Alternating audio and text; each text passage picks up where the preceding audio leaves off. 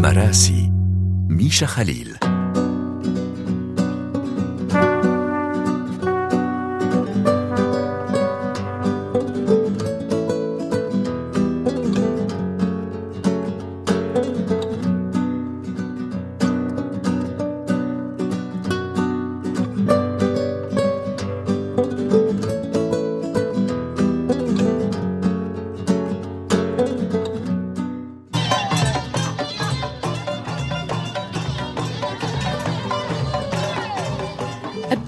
الرحلة الخاصة من برنامج مراسي من ساحة جامع الفنا هذا المعلم الأثري المهم في مدينة مراكش وهو معلم من أهم المعالم التي تشكل هوية هذه المدينة المتعددة الانتماءات والثقافات.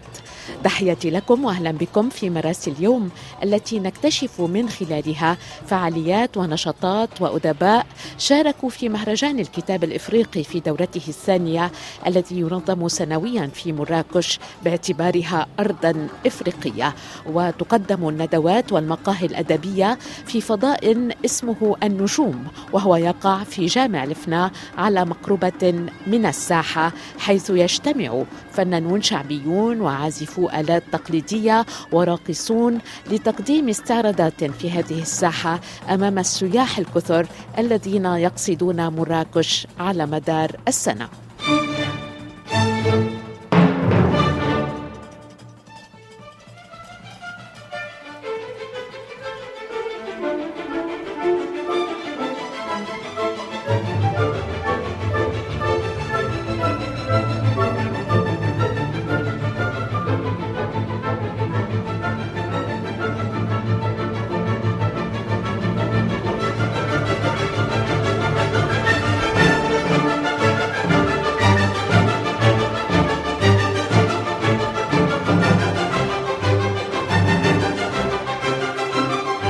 دورة هذا العام من مهرجان الكتاب الإفريقي تميزت بحضور ضيف مرموق ومدافع شرس عن حقوق الإنسان هو الفيلسوف الفرنسي إدغار موغان.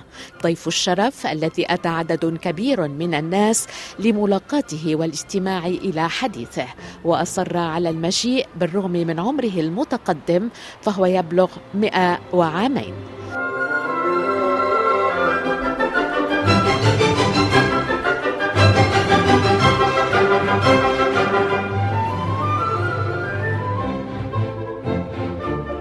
مقطع من السيمفونية التاسعة لبيتهوفن وهي سيمفونية يحبها إدغار موغان ويقول إنه أحس بانفعال شديد عندما سمعها ورغبة قوية في الحياة والثقة في الحياة. إدغار موغان اهتم بهموم البلدان المقهورة بما فيها البلدان الإفريقية وبلدان الشرق الأوسط وحمل القضية الفلسطينية في صلب دفاعه عن حقوق الإنسان. وافتتح مداخلته في المهرجان بتحيا إفريقيا تحيا المغرب قبل أن يتحدث عن غزة. Vive l'Afrique, vive le Maroc.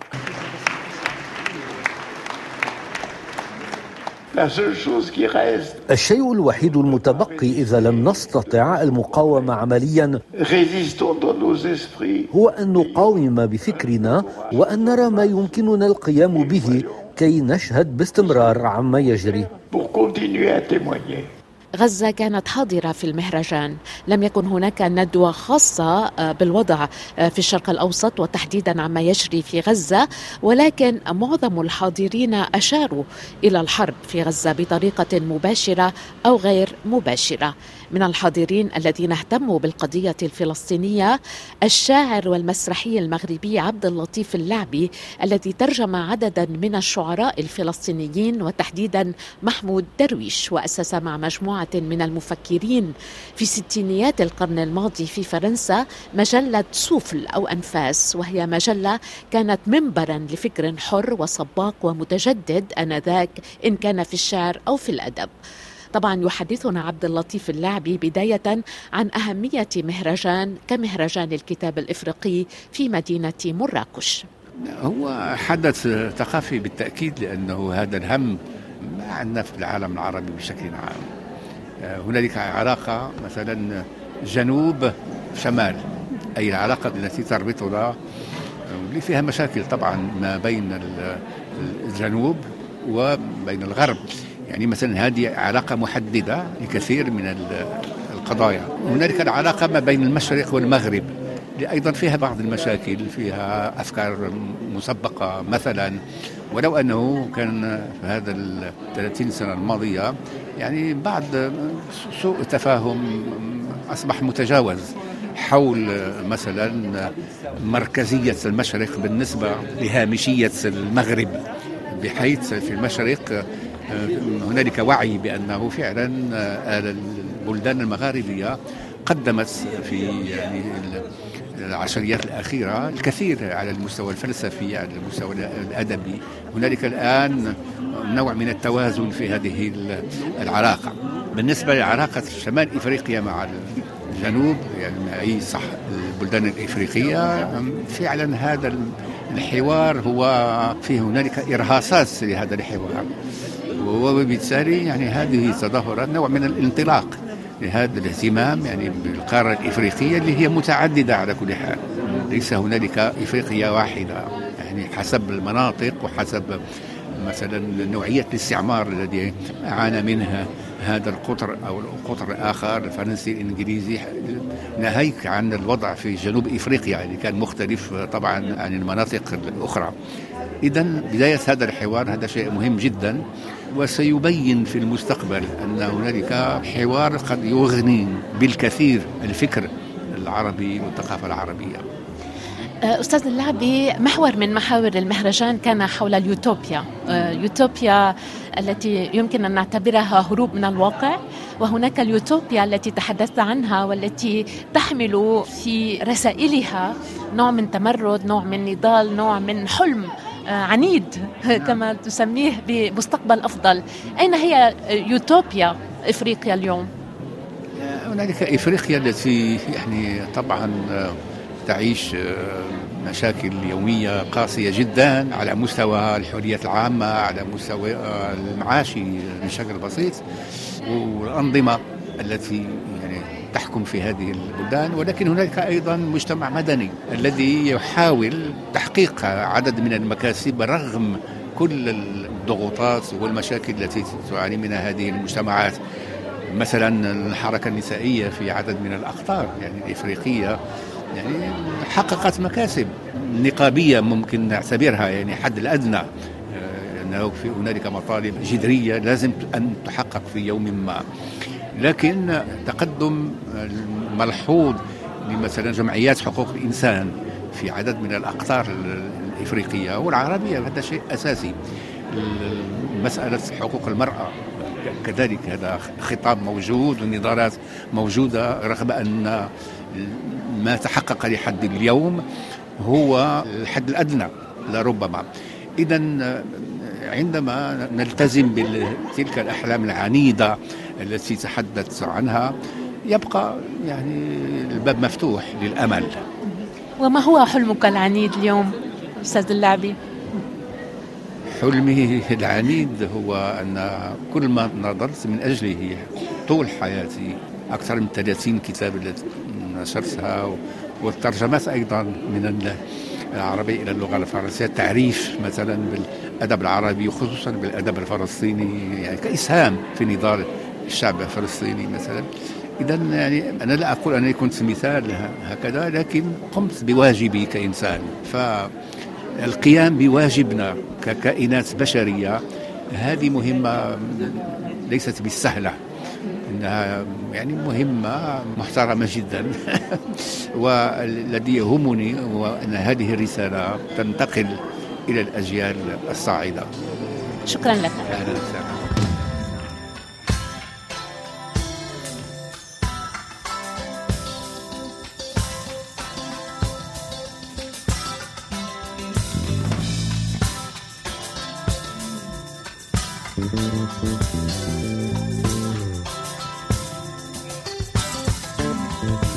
Je vois les motos sauvages qui traversent nos villages, venus de Californie, de Flandre ou bien de Paris.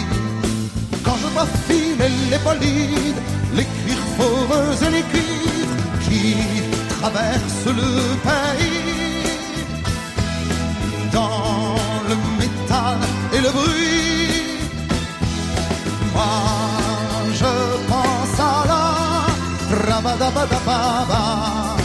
Cavalerie, moi, Je pense à la rabadabadababa, cavalerie. Quand s'éloigne la tourmente, quand retombe la poussière pesante et que sombre le pays dans le sommeil et l'ennui, comme dans les films héroïques, au moment les plus critiques, quand tout croule dans ma vie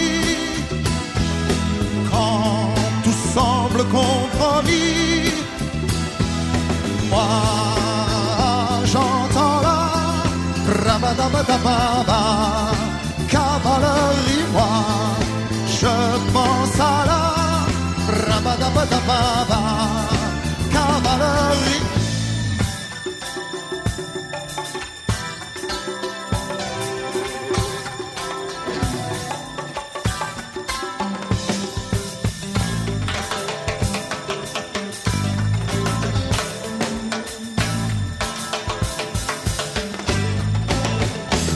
Je prendrai la route vers ailleurs coûte que coûte. Je traverserai la nuit pour rejoindre la cavalerie. J'aurai enfin tous les courages, ce sera mon héritage et j'abolirai l'ennui dans une nouvelle chevalerie. Moi, je pense à la rabadabadababa,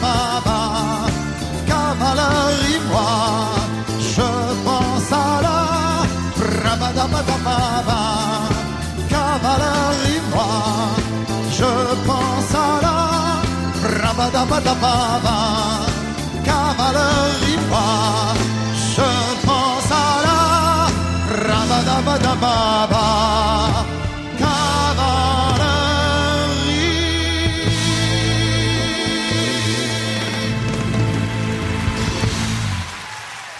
جوليان كلير وأغنية Cavalerie اخترت هذه الأغنية التي تعود بنا إلى سنوات الستينيات مع الثورة الطلابية في فرنسا إلى حقبة عبد اللطيف اللعبي وروح الحرية التي اجتاحت بلدان عديدة في تلك الفترة والتي مهدت لنهضة أدبية وفكرية كبيرة والتي يسلط عليها الضوء مهرجان الكتاب الإفريقي في مدينة مراكش في دورته آه، الثانية. يسلط الضوء على أدباء تأثروا بتلك الحقبة واستوحوا منها مادة لشعرهم وأدبهم وحتى فلسفتهم.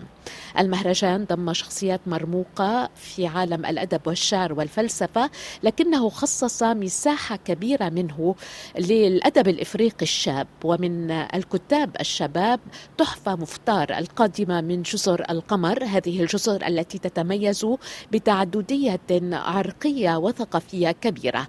تحفة تستمد مادة لكتاباتها من خرافات وأساطير الأرخبيل التي تأتي منه. ونبدأ معها بكلمة عن وجودها في المهرجان. Rencontrer هذا المهرجان هو بمثابة فرصة فرصة للالتقاء بأسماء كبيرة في الأدب الإفريقي والاستماع إلى ما عندهم لقوله عن هذا الأدب الذي هو في انبثاق مستمر. هو فرصة تثريني بلقاءاتها. Euh,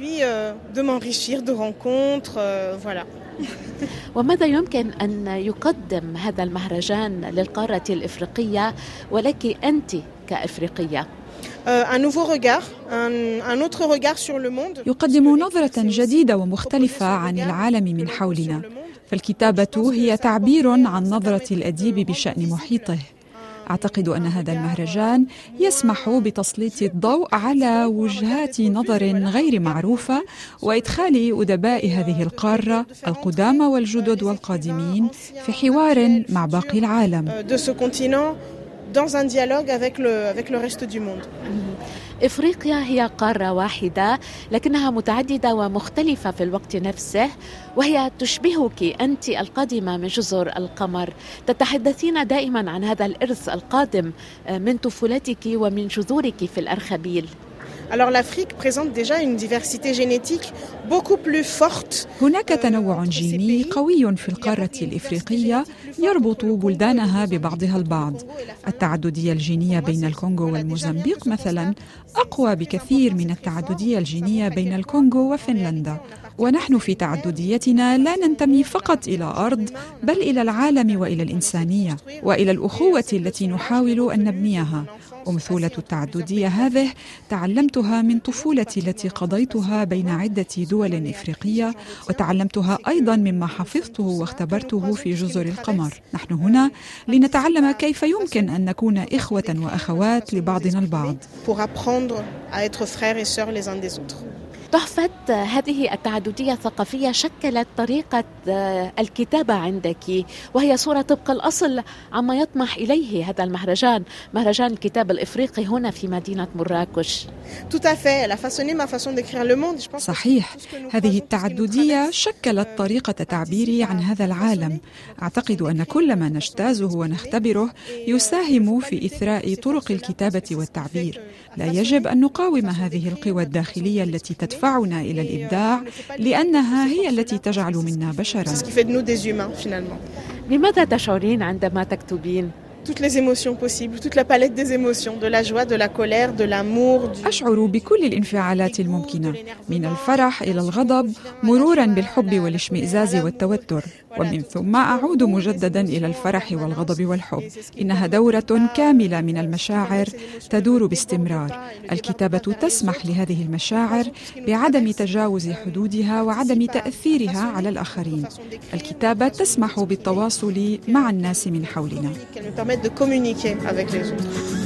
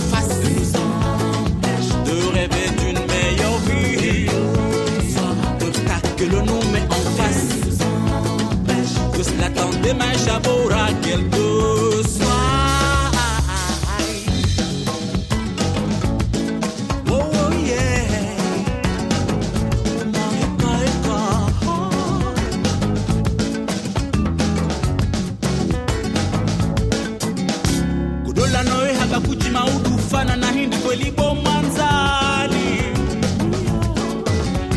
hata kangani na jirani ni ngufo hanzaya. Inu ya mola tujireme ifubaniyo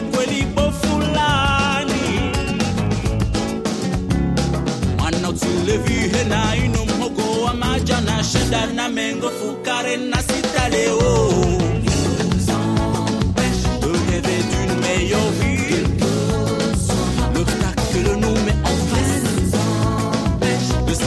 demain j'aboura.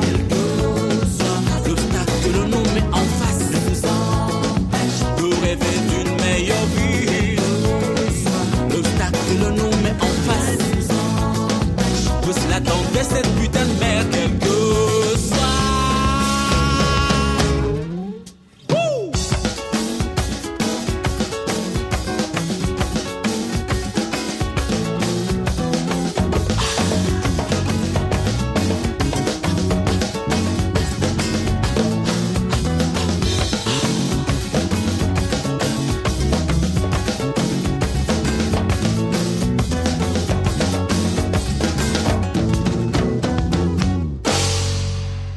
أنغام من جزر القمر ترافقنا في هذه الرحلة الخاصة بمهرجان الكتاب الإفريقي الذي ينظم سنويا في مدينة مراكش واحتفى هذا العام آه، بدورته الثانية. نتابع الآن مع الأستاذ الجامعي والكاتب المغربي خالد اليملاحي الذي أدار عدة ندوات في المهرجان.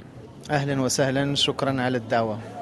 إذا نحن اليوم في مهرجان الكتاب الإفريقي هنا في مدينة مراكش وأنت مشارك في هذا المهرجان. قبل أن نتحدث عنك وعن وجودك هنا كلمة عن هذا المهرجان بالنسبة لك. ماذا يمكن أن يقدم لإفريقيا التي نتحدث عنها؟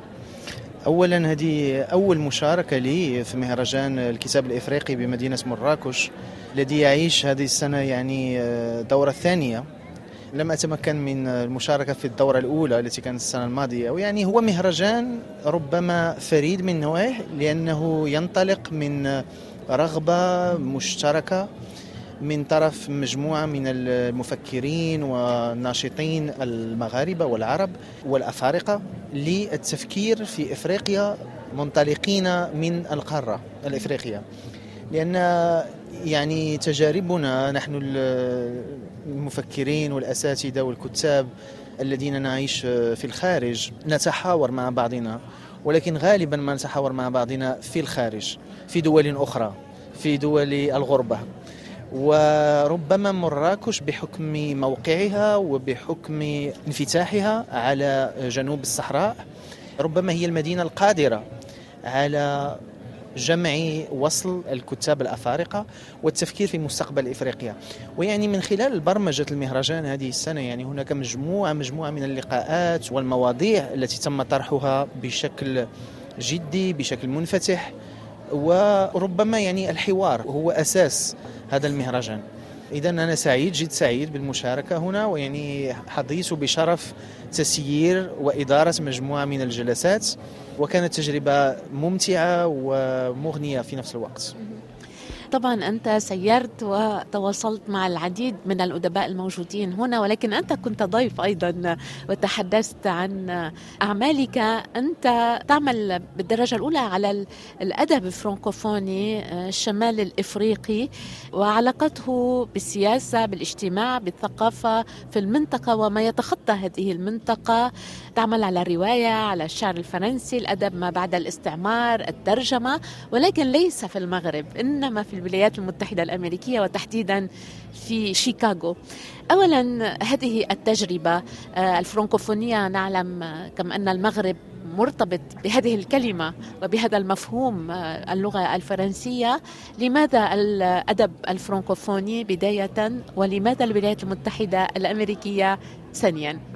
يعني أنا لدي يعني في بادئ بدء أنا لي تكوين علمي. وأنا درست الرياضيات والفيزياء هنا في المغرب. وبعد ذلك ذهبت إلى فرنسا حيث درست الهندسة وتخصصت في الهندسة المدنية. واشتغلت يعني في شركة واحدة يعني سواء في باريس أو في لندن ولكن عدت إلى الأدب وعدت إلى الأدب المغربي والمغاربي من خلال الفرنكوفونية ومن خلال تجربة مجموعة من الشعراء والكتاب الذين برزوا بعد استقلال المغرب يعني في ستينيات القرن الماضي. خاصة حول مجلة هامة جدا هي مجلة أنفاس مجلة سفلى. أذكر منهم عبد اللطيف اللاعبي الذي هو حاضر معنا هنا في مراكش وعبد الكبير الخطيبي المفكر والكاتب وعالم الاجتماع المعروف والشاعر الأمازيغي محمد خير الدين إذا أنا اشتغلت على هؤلاء الكتاب في محاولة مني ربما لإعادة كتابة تاريخ الأدب المغربي من خلال موضوعات الهوية والذاكرة والثورة لأن هذه كانت هي بعض المواضيع التي اجتمع حولها هذا الجيل من الكتاب في الستينيات والسبعينيات من القرن الماضي. لماذا الولايات المتحدة؟ لأنني والسبب بسيط جدا لأنني يعني درست في إنجلترا أولا في المملكة المتحدة وبعد يعني حصولي على شهادة الدكتوراه وجدت فرصة للاشتغال بجامعة شيكاغو كانت أول مرة بالنسبة لي يعني سفري إلى الولايات المتحدة وأنا أعتقد أن ربما الولايات المتحدة تعطيني ربما مسافة صحية ومسافة يعني محمودة لقراءة ودراسة الأدب المغربي لأن فعلا كانت المسافة الجغرافية ولكن هناك أيضا المسافة اللغوية. وأشير إلى أنه في السنوات الأخيرة حصلت طفرة نوعية في ترجمة الأعمال الأدب المغربي والمغاربي إلى اللغة الإنجليزية. إذا أنا جد محظوظ ربما بتواجدي في الولايات المتحدة والاستفادة من هذه الطفرة في الترجمة والاهتمام بالأدب المغاربي الذي شهدناه حقيقة منذ ربما الربيع العربي منذ سنة 2010-2011 نعم. خالد ما يلفت النظر أنك قمت بدكتوراه في الدراسات الفرنسية والفرنكوفونية في جامعة أكسفورد في آه، المملكة المتحدة الدراسات الفرنسية والفرنكوفونية في بلد آه، إنجليزي. هذا ملفت للنظر.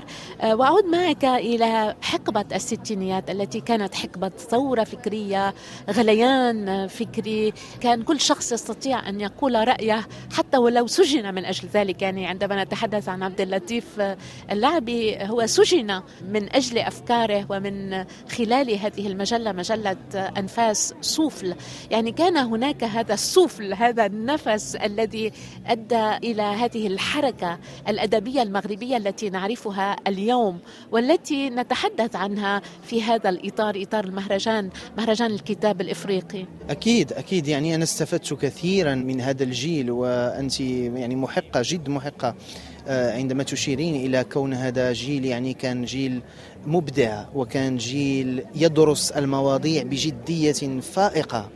يعني عندما نقرأ صفحات مجلة أنفاس أول شيء ربما نلحظه هو جودة وعمق التحاليل وأيضا يعني درجة الإبداع على المستوى اللغوي والشعري لأن هي المجلة بدأت كمجلة شعرية في الأساس وتحولت في مرحلة ثانية ربما إلى مجلة أكثر انفتاحا على المسألة السياسية. فأنا ما يشغلني الآن في أبحاثي هو السؤال التالي ماذا يمكننا أن نتعلم من هذا الجيل؟ ماذا علينا أن نرثه على المستوى الفكري وعلى المستوى الإبداعي من جيل عبد اللطيف اللاعبي وعبد الكبير الخطيبي وآخرين. يعني ربما أعطيك مثال بسيط يعني في الشهور القليلة الأخيرة قرأت كتابا هاما جدا لكاتب آخر مغربي وكاتب وسينمائي اسمه أحمد بعناني. وهو أصدر يعني هو وتوفي قبل سنوات ولكن تم إصدار كتاب هو تاريخ السينما في المغرب. منذ الفترة قبل الاستعمار إلى ربما الثمانينات وهو كتاب هام جدا لأنه يعني يعطي فيه أحمد بعناني نظرة على السينما المغربية من خلال زوايا متعددة وفيها مجهود جبار للتخلص من النمطيات ومن النماذج التي ورثناها عن الاستعمار. هي طريقة جديدة يعني في إعادة كتابة وفهم تاريخنا والتاريخ الفني والأدبي إلى آخره. فيعني هذا مجرد مثال بسيط من كل ما يمكننا أن نتعلمه من هؤلاء الكتاب ومن هذا الجيل جيل عبد اللطيف اللعبي وجيل مجلة أنفاس. يعني للرد على سؤالك مسألة طبيعية أنني يعني ربما تبدو غريبة ولكن أكثر الدراسات جدية وعمق ربما وتأثير على الساحة الجامعية في الفضاء الجامعي حول الأدب الفرنكوفوني. هي دراسات تتم في المملكة المتحدة أو في الولايات المتحدة. يعني وفي السنوات الأخيرة لاحظنا أن مجموعة من المفكرين الأفارقة والعرب يعني اختاروا أن يذهبوا آه، ويشتغلوا في جامعات بريطانية أو جامعات أمريكية. يعني هناك الجانب المادي ربما أن هذه الجامعات توفر آه، لهؤلاء الأساتذة يعني إطار أحسن للاشتغال. ولكن أظن أن أحد الأسباب هو أيضا هذه الديناميكية والحركية الثقافية والفكرية التي نشهدها في الولايات المتحدة ربما على عكس بلد مثل فرنسا ربما.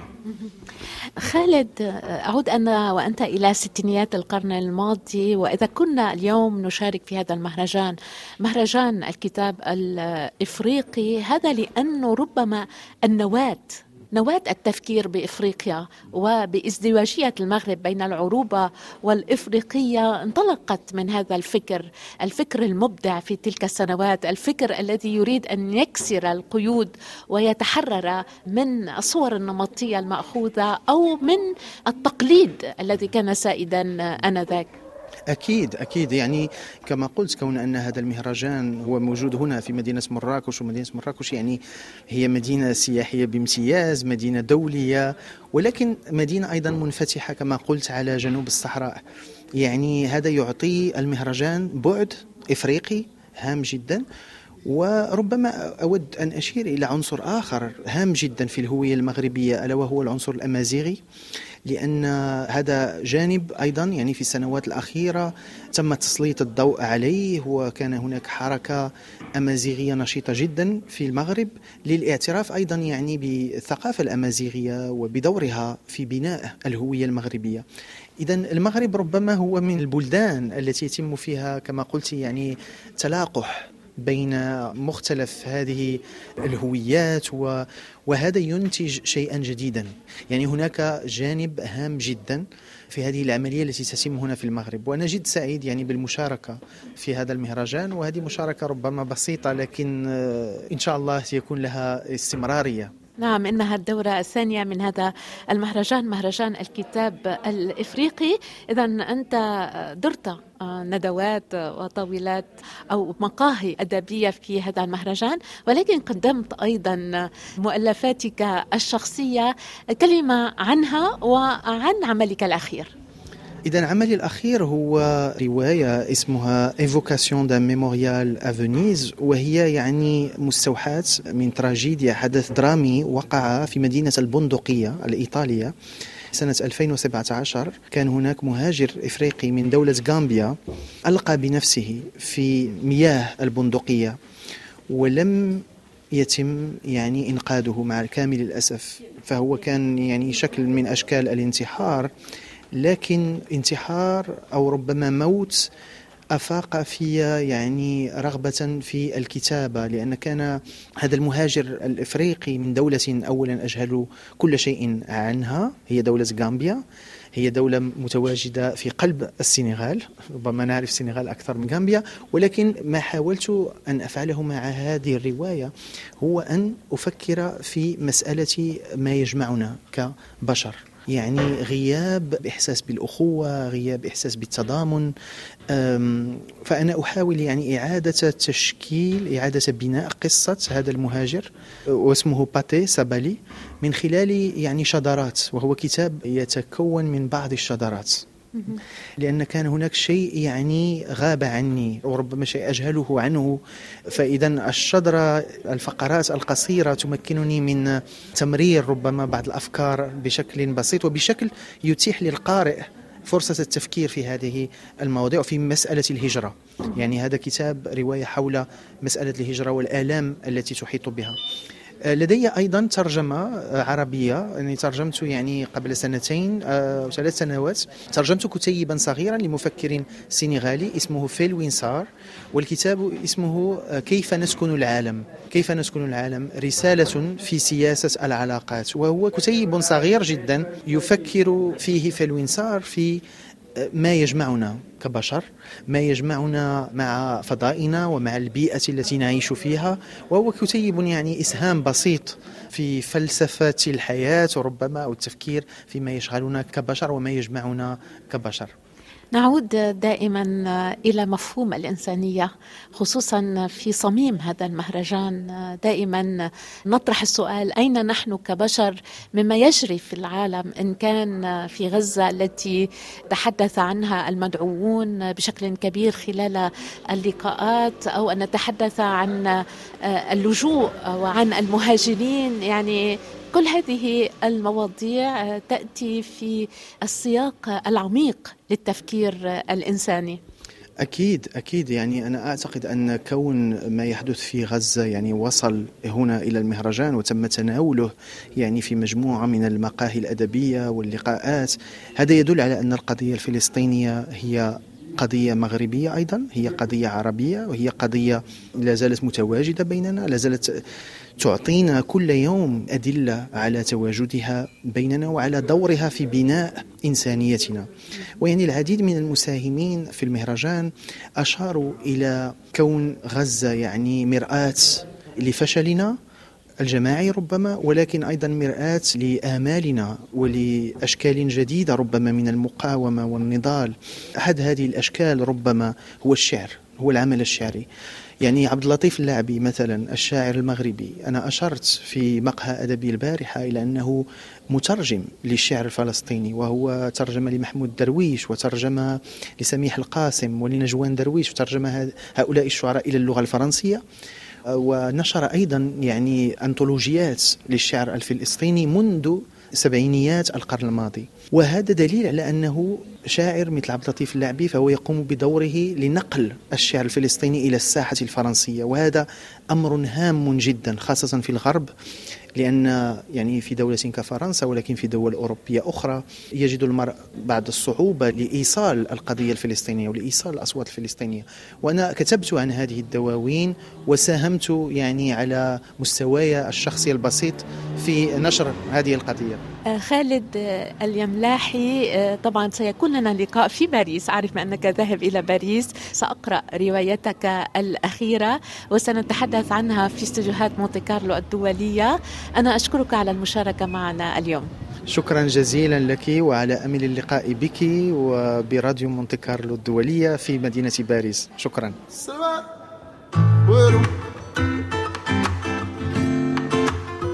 تراك زيادة أيوه أيوه.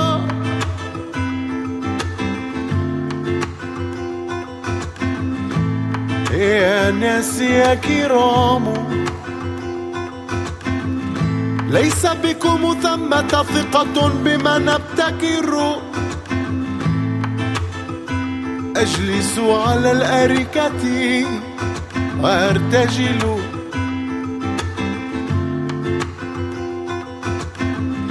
على مفترقات الطرق ستواجهون قسوة الكلام.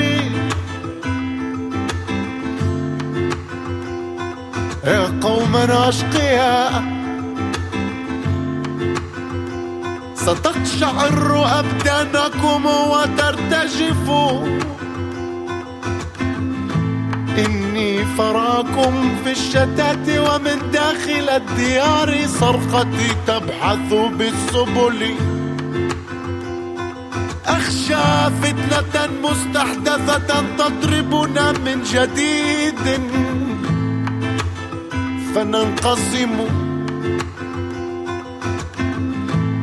ومع اختلاف الآراء مرة أخرى نفترق.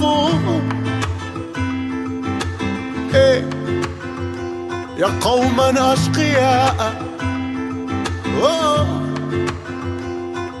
شوف ثرعك لما رجع قالوا مستحيلة. ما عمره غاب علينا أصلا نوعه بيختفيش أهل الملامة مالهم عن جد بيستحيش. ضلك تسألني عنهم رح نسوي المستحيل. متربي على الجسر بحب السفر صعب. سوي اللي بتحبه خلص لا تسويه بالغصب. ناس من خشب إشي نشف لسه في جواته إشي عايش. تعرف كيف؟ يعني فيه عصب. يا ناس يا كرام مع كامل الاحترام. ما كنتش راح أغني لولا استشهد حسام. اسمعني بالتكاسي الآن اسمعني بدون تقاعس. اليوم كله أوبر اطلبني كبسه حاضر. احضرني يوم ديماند احضرني يوم دمان متابع أثري فيك في الواقع أنا الفان. مفكر أترك لندن أطلع أغزو كالي. لأني زي عمان بحب الكل وبكره حالي. أنا جاي أغير كل شي ما بدي أترك طبعه. عجايب الدنيا سبعة بدون محموب والنبعة وينهم؟ ثرعك ما في مانع. مسافر زي السابع. عايش في المستقبل. أنا الدوار التاسع. منهرب معنا بهجة جايب معي ضجة بسمعونا في أم الدنيا بدون ما نغير لهجة مهما كبرت صغير حاسس حالي عمرو مشغول بطلت أمر كتير بس لسه بمرو. نك نك نك نكبر دمنا بتقل نصغر هذا أهبل. حاسس حالي مانيفستو رابر المستقبل. ليش هيك بيعملونا هدولا كل تلاتة عصنية صغار مالهمش كولا كل هالظلم ولا شو قولك؟ دولا دولا دولا بياخدوا أوامر أمن الدولة. هم نفسهم عباد الدولة. دولا دولا بليون لا حول ولا حول يا قوما أشقياء إني فرعكم في الشتات ومن داخل الديار. أبحث في السبل تراك زيادة برواي واي واي ناس من الخشب. شكرا يمي. شكرا يابا شكرا مدينتي. سلام سلام عليكم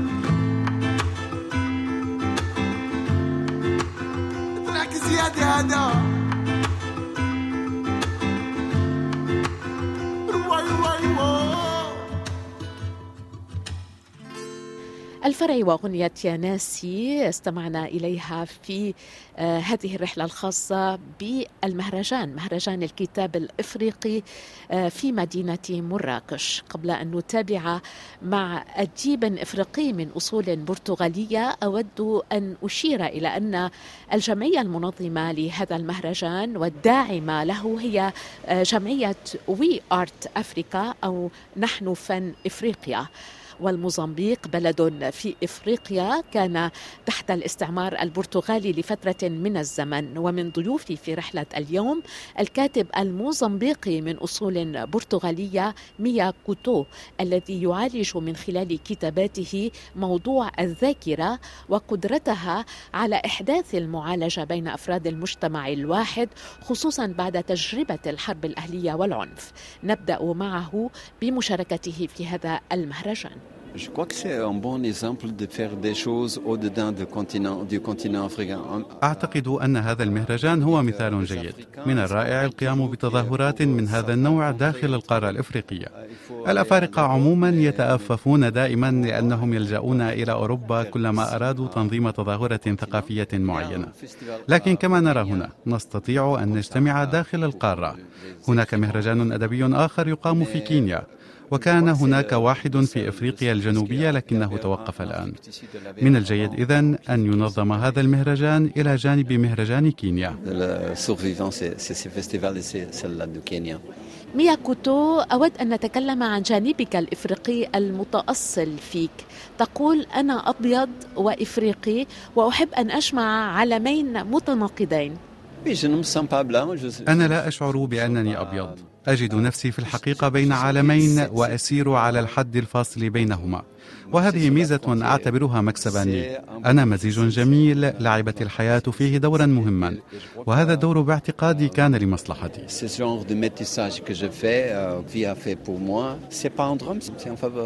وأنت كيف تنظر إلى نفسك اليوم؟ هل تعتبر نفسك إفريقيا أو برتغاليا؟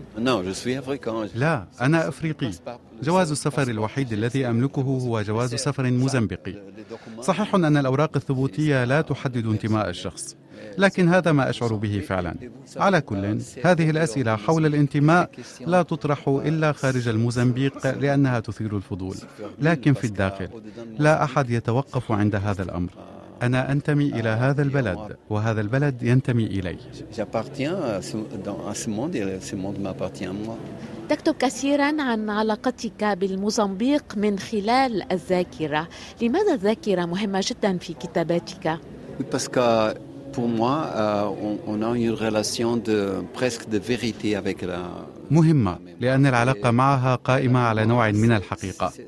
يجب دائما أن نحاكيها لنستشف منها حقيقة معينة. العلاقة مع الوقت والذاكرة هي شبيهة بالعلاقة مع الأموات في إفريقيا. هم موجودون في حياتنا وما يفرق بيننا هو الوقت. الأهمية التي أعطيها للماضي هي أهمية محاكاة وجوده في أدبي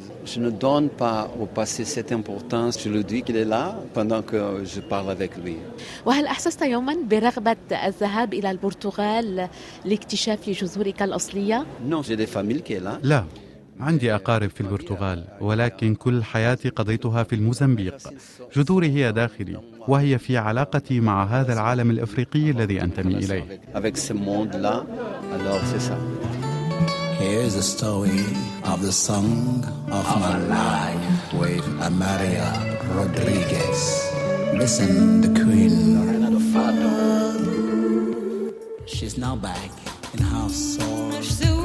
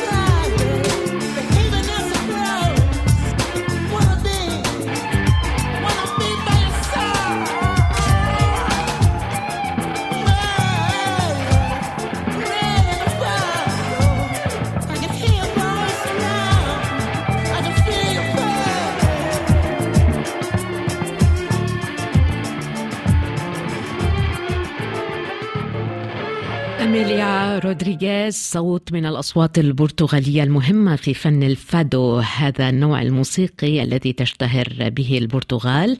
أميليا رودريغيز رافقتنا في هذه الرحلة التي نخصصها لمهرجان الكتاب الإفريقي في مراكش. معظم ندوات المهرجان كانت باللغة الفرنسية وتناولت الأدب الإفريقي الفرنكوفوني لكن الأفارقة الأمريكيين ساهموا كثيرا أيضا في توطيد الروابط مع القارة آه، الإفريقية. من أهم الأصوات التي دعت إلى أمة إفريقية جامعة كان المناضل والمحامي الأمريكي مالكوم إكس. أما الصوت الإفريقي الأمريكي فوصل إلى المحافل الدولية خصوصا من خلال الموسيقى وتحديدا موسيقى الجاز من هذه الأصوات أريتا فرانكلين.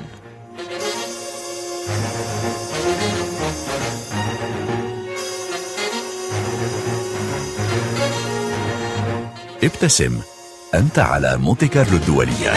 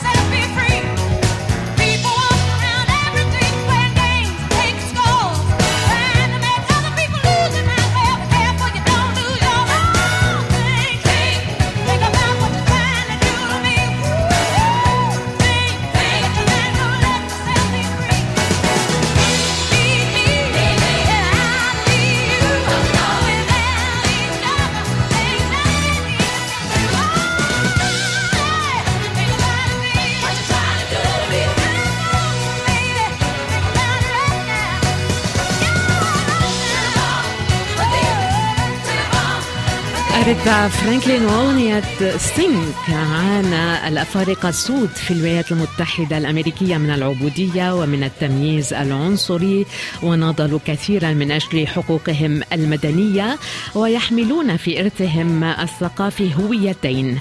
هوية تشدهم إلى القارة الإفريقية التي تبقى حلما يراود عددا منهم وهوية تربطهم بالولايات المتحدة التي استطاعوا أن يبنوا فيها إرثا إفريقيا أمريكيا خاصا بهم.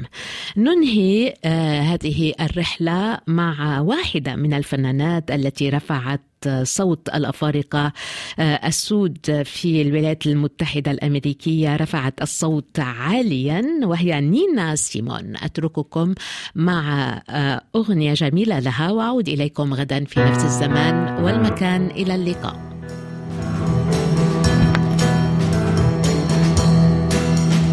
Got no home, ain't got no shoes, ain't got no money, ain't got no class, ain't got no skirts, ain't got no sweater, ain't got no perfume, ain't got no bed, ain't got no mind, ain't got no mother, ain't got no culture, ain't got no friends, ain't got no schooling Ain't got no love,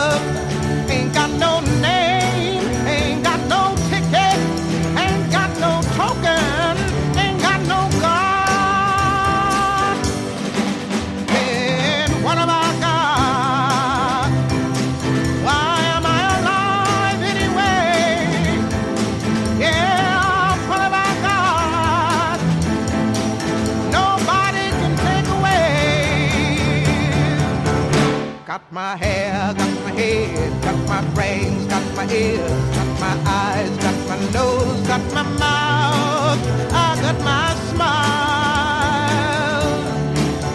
I got my tongue, got my chin, got my neck, got my boobs, got my heart, got my soul, got my back,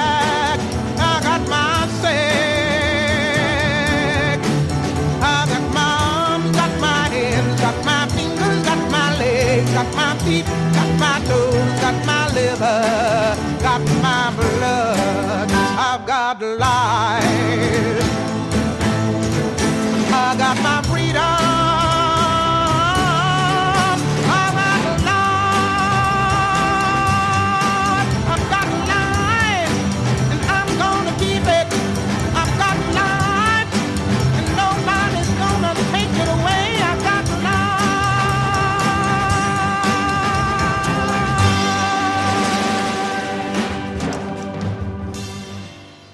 مونتي كارلو الدولية. مراسي ميشا خليل.